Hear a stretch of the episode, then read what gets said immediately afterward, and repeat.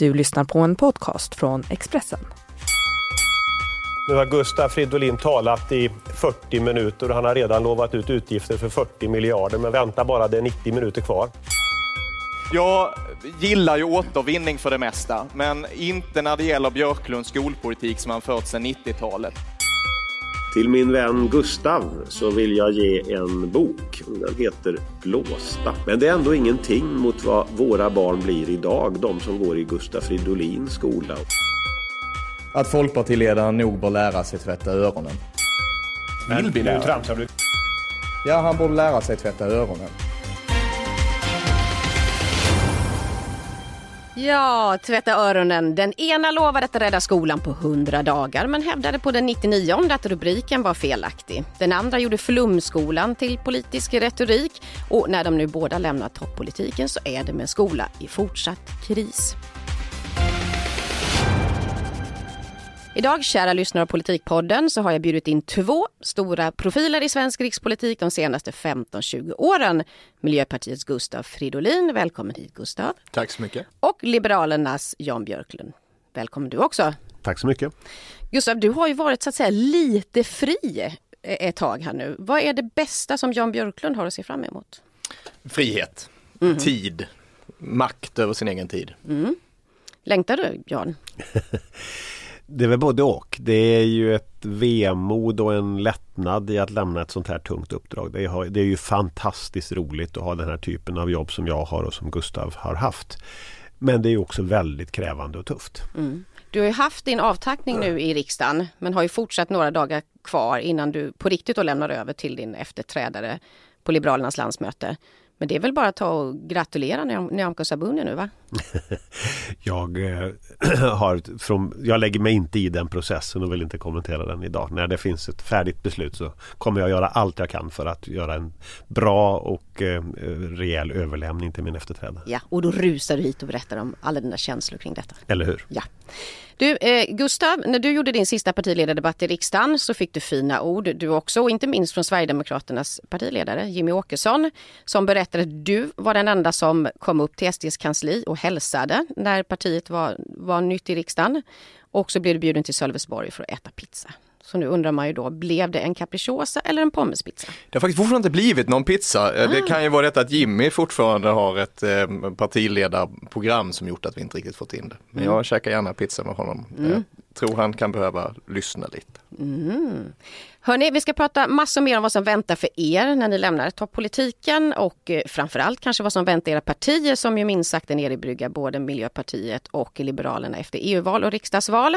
Men först då, eftersom ni båda har gjort det till en sport kan man väl säga under karriärerna, inte minst som utbildningsminister i eh, varsina regeringar, att skylla skolans problem på varandra så tänkte jag vi skulle ta det här tillfället att reda ut vem var det som sänkte skolan egentligen? Vi började ju lyssna på, på lite klipp där och vi har några till.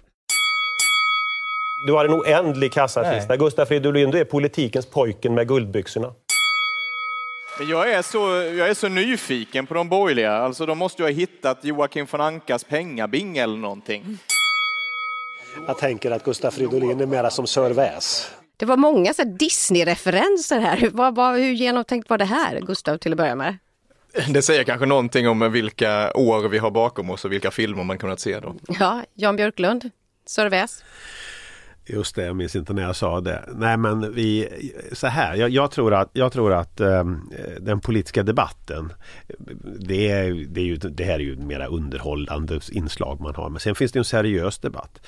Jag vill framförallt säga, och jag sa det i riksdagen häromdagen när jag blev avtackad av mina kollegor, att jag tror många medborgare som följer den politiska debatten ser ju bara när vi har ganska tuffa replikskiften. Men vi har ju också ett väldigt, väldigt kollegialitet partiledarna emellan. Vi talas vid ju inte bara när tvn är på. Och samarbetar och när det behövs och ringer varandra när det behövs för att lotsa fram beslut och kan till och med ta en öl tillsammans och så vidare. Så att det, det är, och det är rätt viktigt att det är så både för demokratin och den dagen när verkligen Sverige behöver fatta tuffa och svåra beslut så finns det ändå en tilltro till varandra som personer. Mm. Fast skolans problem har ingen av er velat stå, stå, stå för?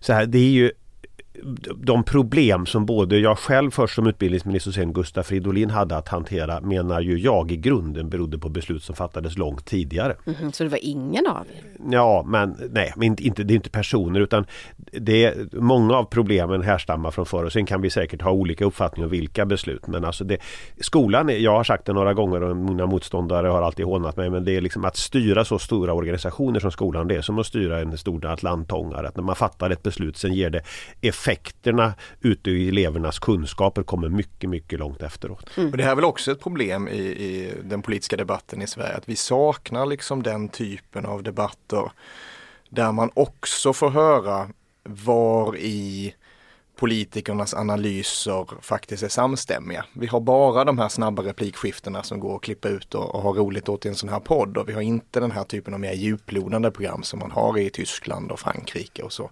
Skulle vi haft det tror jag att många hade känt till eh, det som över den där ölen jag och Jan har konstaterat att det finns ju en, en, liknande analys över problemen på 90-talet med kommunaliseringen. Mm. Jag brukar lägga till marknadsutsättningen och, och problemen med eh, vad, vad elevpengsystemet gör för relationen skola, förälder, elev. Att man börjar uppleva att man köper skola snarare än att skola är någonting man faktiskt anstränger sig till.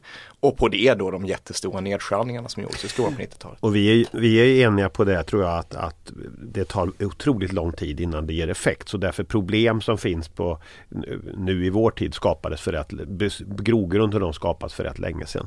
Men sen kan vi nog kanske ha olika syn på vilka är de avgörande problemen. Jag menar ju till exempel att den här det bredde ut sig en slags ja, läraryrkets auktoritet sjönk i botten. Va? Eleverna började ta över i klassrummen och, och lär, många lärare vågade inte, orkade inte och fick inte stöd för att ja, men nu blir det ordning och uppförande här. Jo, jo, jo, men alltså det är ju en reaktion på att det först har spårat ur under ganska lång tid. Så, så är vi, till, vi är på väg så att den politik som väl jag eh, mycket designade och, och som vi under alliansregeringen tog, den är ju och som då var otroligt kontroversiell. Till exempel mobiltelefonerna. Ja, den ja, är härlig. Ja, ja. Jag ska trycka bort min lilla syster här. Som säkert ska gratulera mig på födelsedagen. Jag trodde jo, det. Grattis. Ja, ja, ja. Tryckte jag bort då. Ja, det var ju taskigt. Det var taskigt, de får ja, ringa sen. Ja. Men visst var det ja. så att det var svårt att fortsätta Det var svårt att fortsätta ett vanligt samtal här i studion när telefonen ringde. Det, det var, var ju väldigt, trevligt. ja, ja. skulle vi haft det, den där lilla och det, lådan. Och det är det som är poängen. Mm. Att, eh, så när jag, när jag avtackades igår i riksdagen så fick, jag, så fick jag ett inramat pressmeddelande från mig själv från 2002. När jag första gången tog upp det här med mobilerna i klassrummet. Ah. Och nu får vi lagstiftningen nästan ja, 17 år senare. Mm. Och nu vill vi även införa det poddstudio. Ja, det tror jag vore en, Men, idé för, för en som står vid sidan av och ser skolans problem, alltså det pratas ju min, mindre grupper, du pratar om auktoriteter och vi pratar om sommarskola. Men den enorma lärarbristen, varför pratar man inte mer om den? Borde inte det vara liksom den absolut största frågan? Jag skulle nog säga att den är, har, åtminstone i den typen av skoldebatter som vi har deltagit i de sista åren, ett rätt stort utrymme. Och den är stor. Den beror ju framförallt på att vi, har, vi är många fler elever, och vilket i sin tur framförallt beror på att det föds fler barn i Sverige. Det ganska angenämt problem om man tittar ut på vad många andra europeiska länder brottas med. Vi har fler barn här, det kan bli bra, men då måste vi också se till att det är fler som vill bli lärare, fler lärare som stannar i yrket, fler lärare som gör andra saker som återvänder. Ska man gå tillbaka till att fundera lite på var eh, vad jag upplever att vi har mött och kanske, eller och inte helt mött varandra så är det ju att eh, jag är, är väl den av oss som brukar betona resursernas, hur viktiga resurserna är för att eh, lärarna faktiskt ska kunna få ett sådant jobb som man trivs med, ha tillräckligt med tid för varje elev. Att man är, har tillräckligt med pengar på skolan helt enkelt, inte behöver brottas med ett köpstopp eh, tidigt på vårterminen utan faktiskt kan göra det som man ser att man behöver göra för att få vara den lärare man vill vara. Mm. Och där upplever jag att vi ja, men gör lite olika analyser där, där jag upplever att Jan kanske inte alltid har sett hur viktiga resurserna är för skolan. Nej, vi ska vara lite självkritiska Jan Björklund. Var, finns det något beslut du ångrar? Ja det gör det ju såklart men eh, jag, några, framförallt så ångrar jag några av de besluten jag inte fattade. Ja, det brukar ju eh, folk säga när de slutar. Ja, Varför och, gör man inte det då när man har chansen? Ja därför att eh, jag, vill jag tror till exempel att kommunaliseringen av svensk skola har varit ett mycket stort misslyckande. Det gjordes ju i början på 90-talet. Och eh, därför kommunerna har inte, det är klart att alla kommuner vill ha en bra skola, det är inte det det hänger på men de har inte kompetensen och förmågan. Och, och fattiga kommuner måste liksom dra ner och så. Så att det, det, det har varit olyckligt. Ja, jag vill ju återförstatliga skolan. Ja, nej, jag, jag fick ju ge mig, det var ju för få som ville det men det är klart man kan då ångra att man inte drev det ännu, ännu hårdare. Så, och så. så det, jag skulle säga, det finns säkert beslut jag fattade som blev fel och, och sådär också. Det, naturligtvis finns det många sådana. Men, men det jag ångrar mest är beslut som aldrig kommer att fattas. Mm. Eftersom Jan Björklund står och har lite ånger här så får du istället då Gustaf Fridolin säga någonting bra som Jan Björklund har gjort för skolan. Men jag skulle säga att det fokus som Jan har haft på ehm, um, lärarauktoritet eller lärarmandat på um, att det faktiskt ska vara ordning i klassrummet där. Det har varit jätteviktigt. Sen har jag inte alltid hållit med om precis alla lösningar men det fokuset är viktigt och där kan ju jag känna, om jag nu ska ångra något, att den polarisering som funnits mellan oss i delar av skoldebatten, den har kunnat oss och människor som tycker som oss, eh, den har kunnat bli skadlig för att det har gjort att man snabbt avfärdat förslag snarare än att faktiskt kunna granska dem på djupet. Ska jag erkänna tycker jag att det här med att vi nu inför mobilförbud är bra. De flesta mm. skolor har Så redan i, gjort det. i ordning och uppförande så får han av dig, du får välja vilken betygsskala du vill som du känner dig mest bekväm med. Eh, nej, men, nej men det tycker jag, där tycker jag att eh, han har eh, klart väl godkänd. Sen, mm. eh, men som sagt man håller inte med om allt, att man ska skicka hem lappar lappar om ordning och uppförande till de elever som faktiskt sköter sig. Där tror jag att lärarnas tid kan användas till bättre mm. saker. Så att, men mobilgrejen är bra. Om vi blickar lite fram då nu. Eh, januariavtalet mellan S, MP, C och L. Där sammanfattas ju skolfrågorna i nio punkter. Sju kan man väl säga kopierar rakt ifrån Liberalernas valmanifest. Innebär det att Björklundsskolan gör comeback?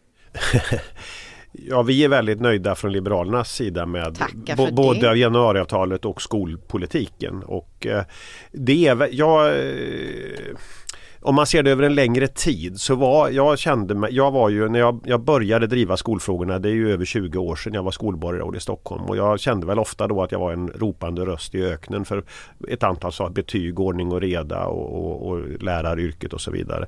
Kommunaliseringen och och så. Jag känner väl nu att det, det, är rätt många idag som, som håller med. Och hade vi haft större enighet tidigare så hade ju reformerna kunnat komma på plats mycket tidigare. Men nu gör de det ju nu och det är bra det tycker jag. Sen betyder inte det att vi har haft rätt i allt, vi har också haft fel. Men, men huvudinriktningen på svensk utbildningspolitik är en annan idag än för 25 år sedan och det är väldigt bra för Sverige. Men det, ja. jag, jag tror att det bästa med januariavtalet är att vi nu äntligen får en grund för att faktiskt göra en bred uppgörelse om skolan framåt. Jag menar våra fyra partier som står bakom är ju fyra partier som traditionellt inte samverkat och framförallt inte samverkar på skolans område. Eh, och nu får vi en möjlighet att göra det. Eh, förra mandatperioden så fick jag tillsätta en, en skolkommission där professionen och forskningen faktiskt fick fria tyglar att säga vad är det vi behöver? Och det är ju jättetydligt att de landade till exempel i att staten ska ansvara för finansieringen av skolan. Jätteviktigt nu när vi ser hur kommunerna igen börjar skära ner kraftigt på skolan samtidigt som friskolor fortsätter göra vinstuttag. Då behövs staten ansvara för finansieringen istället. Fast Miljöpartiet losar ju då eh, departementet. Hur,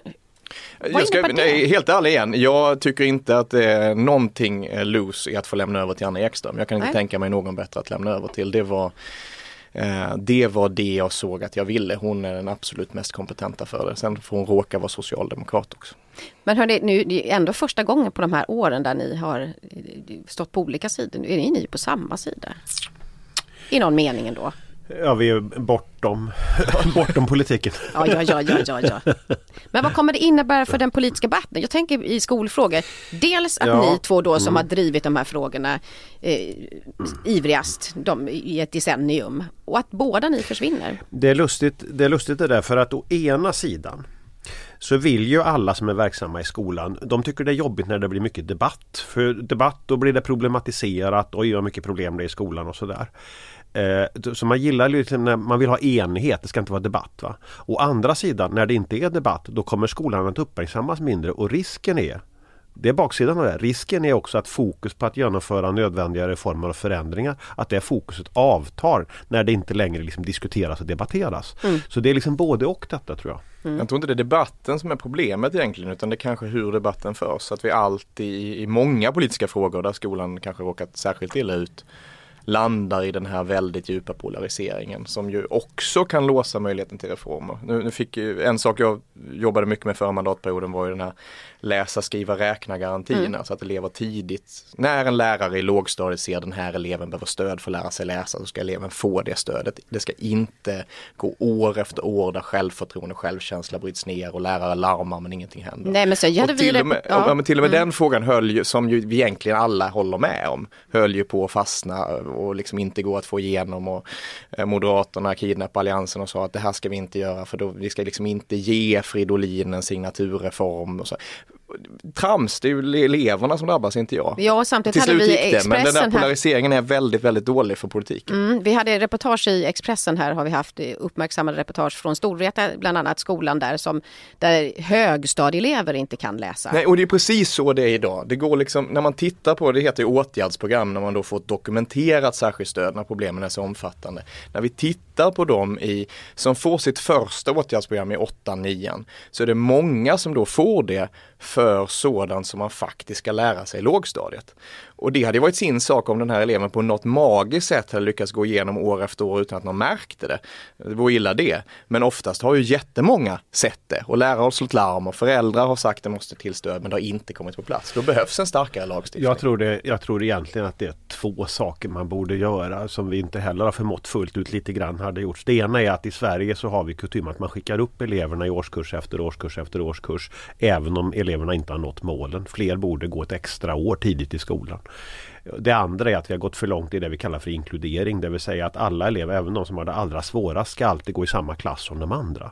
I, i de flesta andra länder så finns det specialklasser och hjälpklasser och sådär. Ska man tillbaka till OBS-klasser som man ja, hade på 80-talet? Just OBS-klassen fick, OBS-klassen var ju till för de elever som var bråkiga och störiga. Men alltså hjälpklasser och läsklasser för elever som har dyslexi och annat. Det avskaffades, allt sånt avskaffades därför man skulle inkludera alla. Problemet är att de här eleverna som behöver mycket hjälp får det då inte i den ordinarie klassen. Och det, så jag tror att vi har valt, det är, det är inte bara fråga om mera pengar alltid utan det är ideologiska mm. vägval som görs också. Japp, eh, vi kommer såklart fortsätta eh, följa skolan. Eh, Gustaf Fridolin, du, du, skulle, du kunde ha suttit ett tag till, till 2020 eh, enligt partiets regelverk men valde då att gå på kongressen här i maj. Du sa att det var för att du dels längtade efter att vara mer pappa och för att du var sugen på att undervisa igen. Ja. Hur har det gått med det? Jo, men jag lämnar riksdagen i höst för att undervisa igen.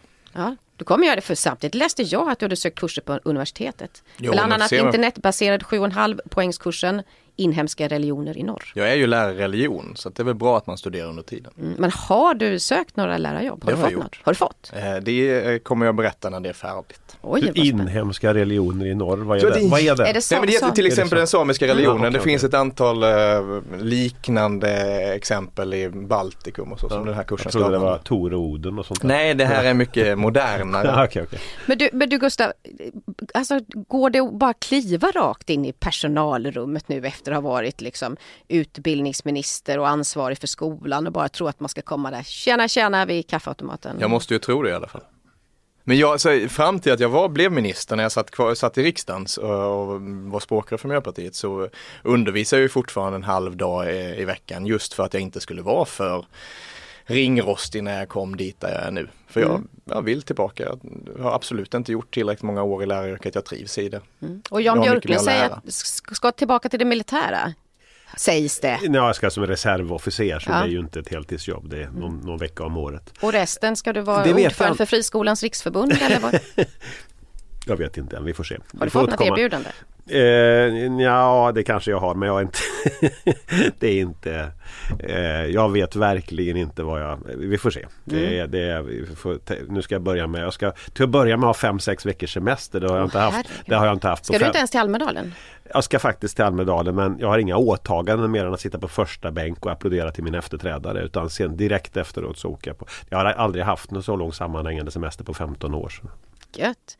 Hörrni, i alla fall så lämnar ni, ni båda lämnar era partier med ny, ny, nya bottennoteringar kan man säga i väljarstöd i riksdag och EU-parlament eller valet i höstas här då. Alltså det är ju inte direkt med flaggan i topp.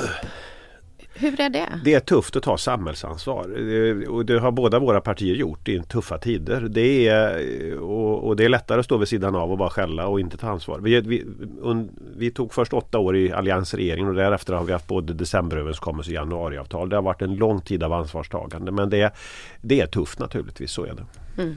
Ja, det har varit tufft. Jag, de som studerat det närmast påstår att jag fått gråa hår. Eh, men eh, samtidigt, jag köper inte helt premissen. Alltså vi gick in i regering för första gången i vårt partis historia och sa att vi ska göra det här, vi ska visa att vi kan, vi ska åstadkomma så mycket skillnad som bara går sen ska vi landa på fötterna. Och vi landade, även om det var på håret så landade vi faktiskt på fötterna och kunde till och med vara med om att förhandla fram en, en ny regering med ja, 4,4 procent. Ja, landa på fötterna. Och sen har vi gjort ett EU-parlamentsval som långt överträffade mina förväntningar ska jag säga. Att Men vi, också var under det förra valet. Ja, förra valet som ju var första gången sedan 70-talet som något svenskt parti annat än S eller M är ett av de två största. Eh, det här är ju, det valresultat vi fick i EU-parlamentsvalet är ju långt över många andra gröna partier som även i svensk media brukar beskrivas som framgångssagor. Så det är riktigt starkt. Och vi gjorde det ihop med många gröna partier som gick ännu mycket bättre. Du Jan Björklund, jag läste en, eh, en text av Daniel Suhonen häromdagen Mm. S-märkt eh, skribent som skrev, eller debattör, som skrev citat eh, om dig då. En överlevare trots att han som folkpartiledare lyckats i samma mån som kaptenen på Titanic. Och han satt också länge. Skulle det ha gått tidigare? Eh, ja det var väl några som tyckte men eh, ja, så här, vi fick ja, vi, vi, vi tog 5,5 procent i val, riksdagsvalet och det var väl det var ungefär samma som gången innan. Det är klart vi vill ha mer röster, det är klart det är. Men vi har tagit ett stort samhällsansvar och det är tufft. Och nu eh, Det är klart att är ingen, ingen partiledare någonsin nöjd med sina valresultat och det är inte jag heller. Utan det, det är klart vi vill ha fler röster och det eh, Ja nu, nu börjar det på ny kula. men så. när var du nära att lämna? När var den tuffaste dagen? Eh, ja, det var väl egentligen när... Det är klart jag funderade. När Birgitta Olsson utmanade mig som partiledare sommaren 2017 så det är klart jag funderade på ska jag ta den här matchen eller inte. Eh, jag bestämde mig för att jag ville men det var en förutsättning vad partiet ville också. Det ville ju partiet att jag skulle vara kvar. Så att det, men det är klart, då var det och det var ett år kvar till valet så det är klart jag såg framför mig att det här blir väldigt uppslitande internt. I en tid vi behöver förbereda oss för valet ska vi istället ägna oss åt in, interna konflikter. Vilket sannolikt kommer att påverka valet året efter. Det, det, det är klart det var tufft tid. Men hur tänker du kring det nu då att Birgitta Olsson inte är med och fajtas om kandidaturen eller i posten? Ja, jag sa ju redan då, jag tyckte Birgitta Olsson valde ju, om vi nu går tillbaka det ett par år till tiden, men hon sa ju då att om jag inte blir partiledare så lämnar jag politiken. Och när hon sa det så ringde jag direkt till henne och sa det där tycker jag är olyckligt. Du får gärna utmana mig men även om du nu förlorar, var kvar. Mm. Eh, för du har mycket att bidra med men det var ju ett beslut som hon fattade.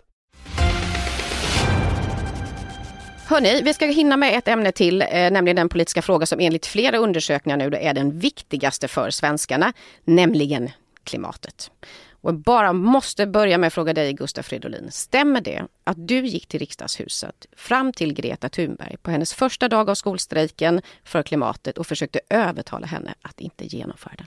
Nej, inte riktigt på det sättet. Men jag gick såklart och pratade om varför jag tycker det är viktigt att vara i skolan. Du hade med dig en lärobok? Ja, det, eller nej, det hade jag inte första dagen. Men däremot visade hon att hon hade med sig sina läroböcker. Alltså hon har ju väldigt väl tänkt igenom hur gör jag detta på ett sätt där jag både prioriterar skolan och får en bra skolgång men samtidigt är med och förändrar världen. Um, och det innebar att redan första dagen när hon satt där alldeles själv uh, och jag satte mig bredvid så kunde hon uh, visa att hon hade med sig läroböckerna för hon skulle sitta och läsa dem.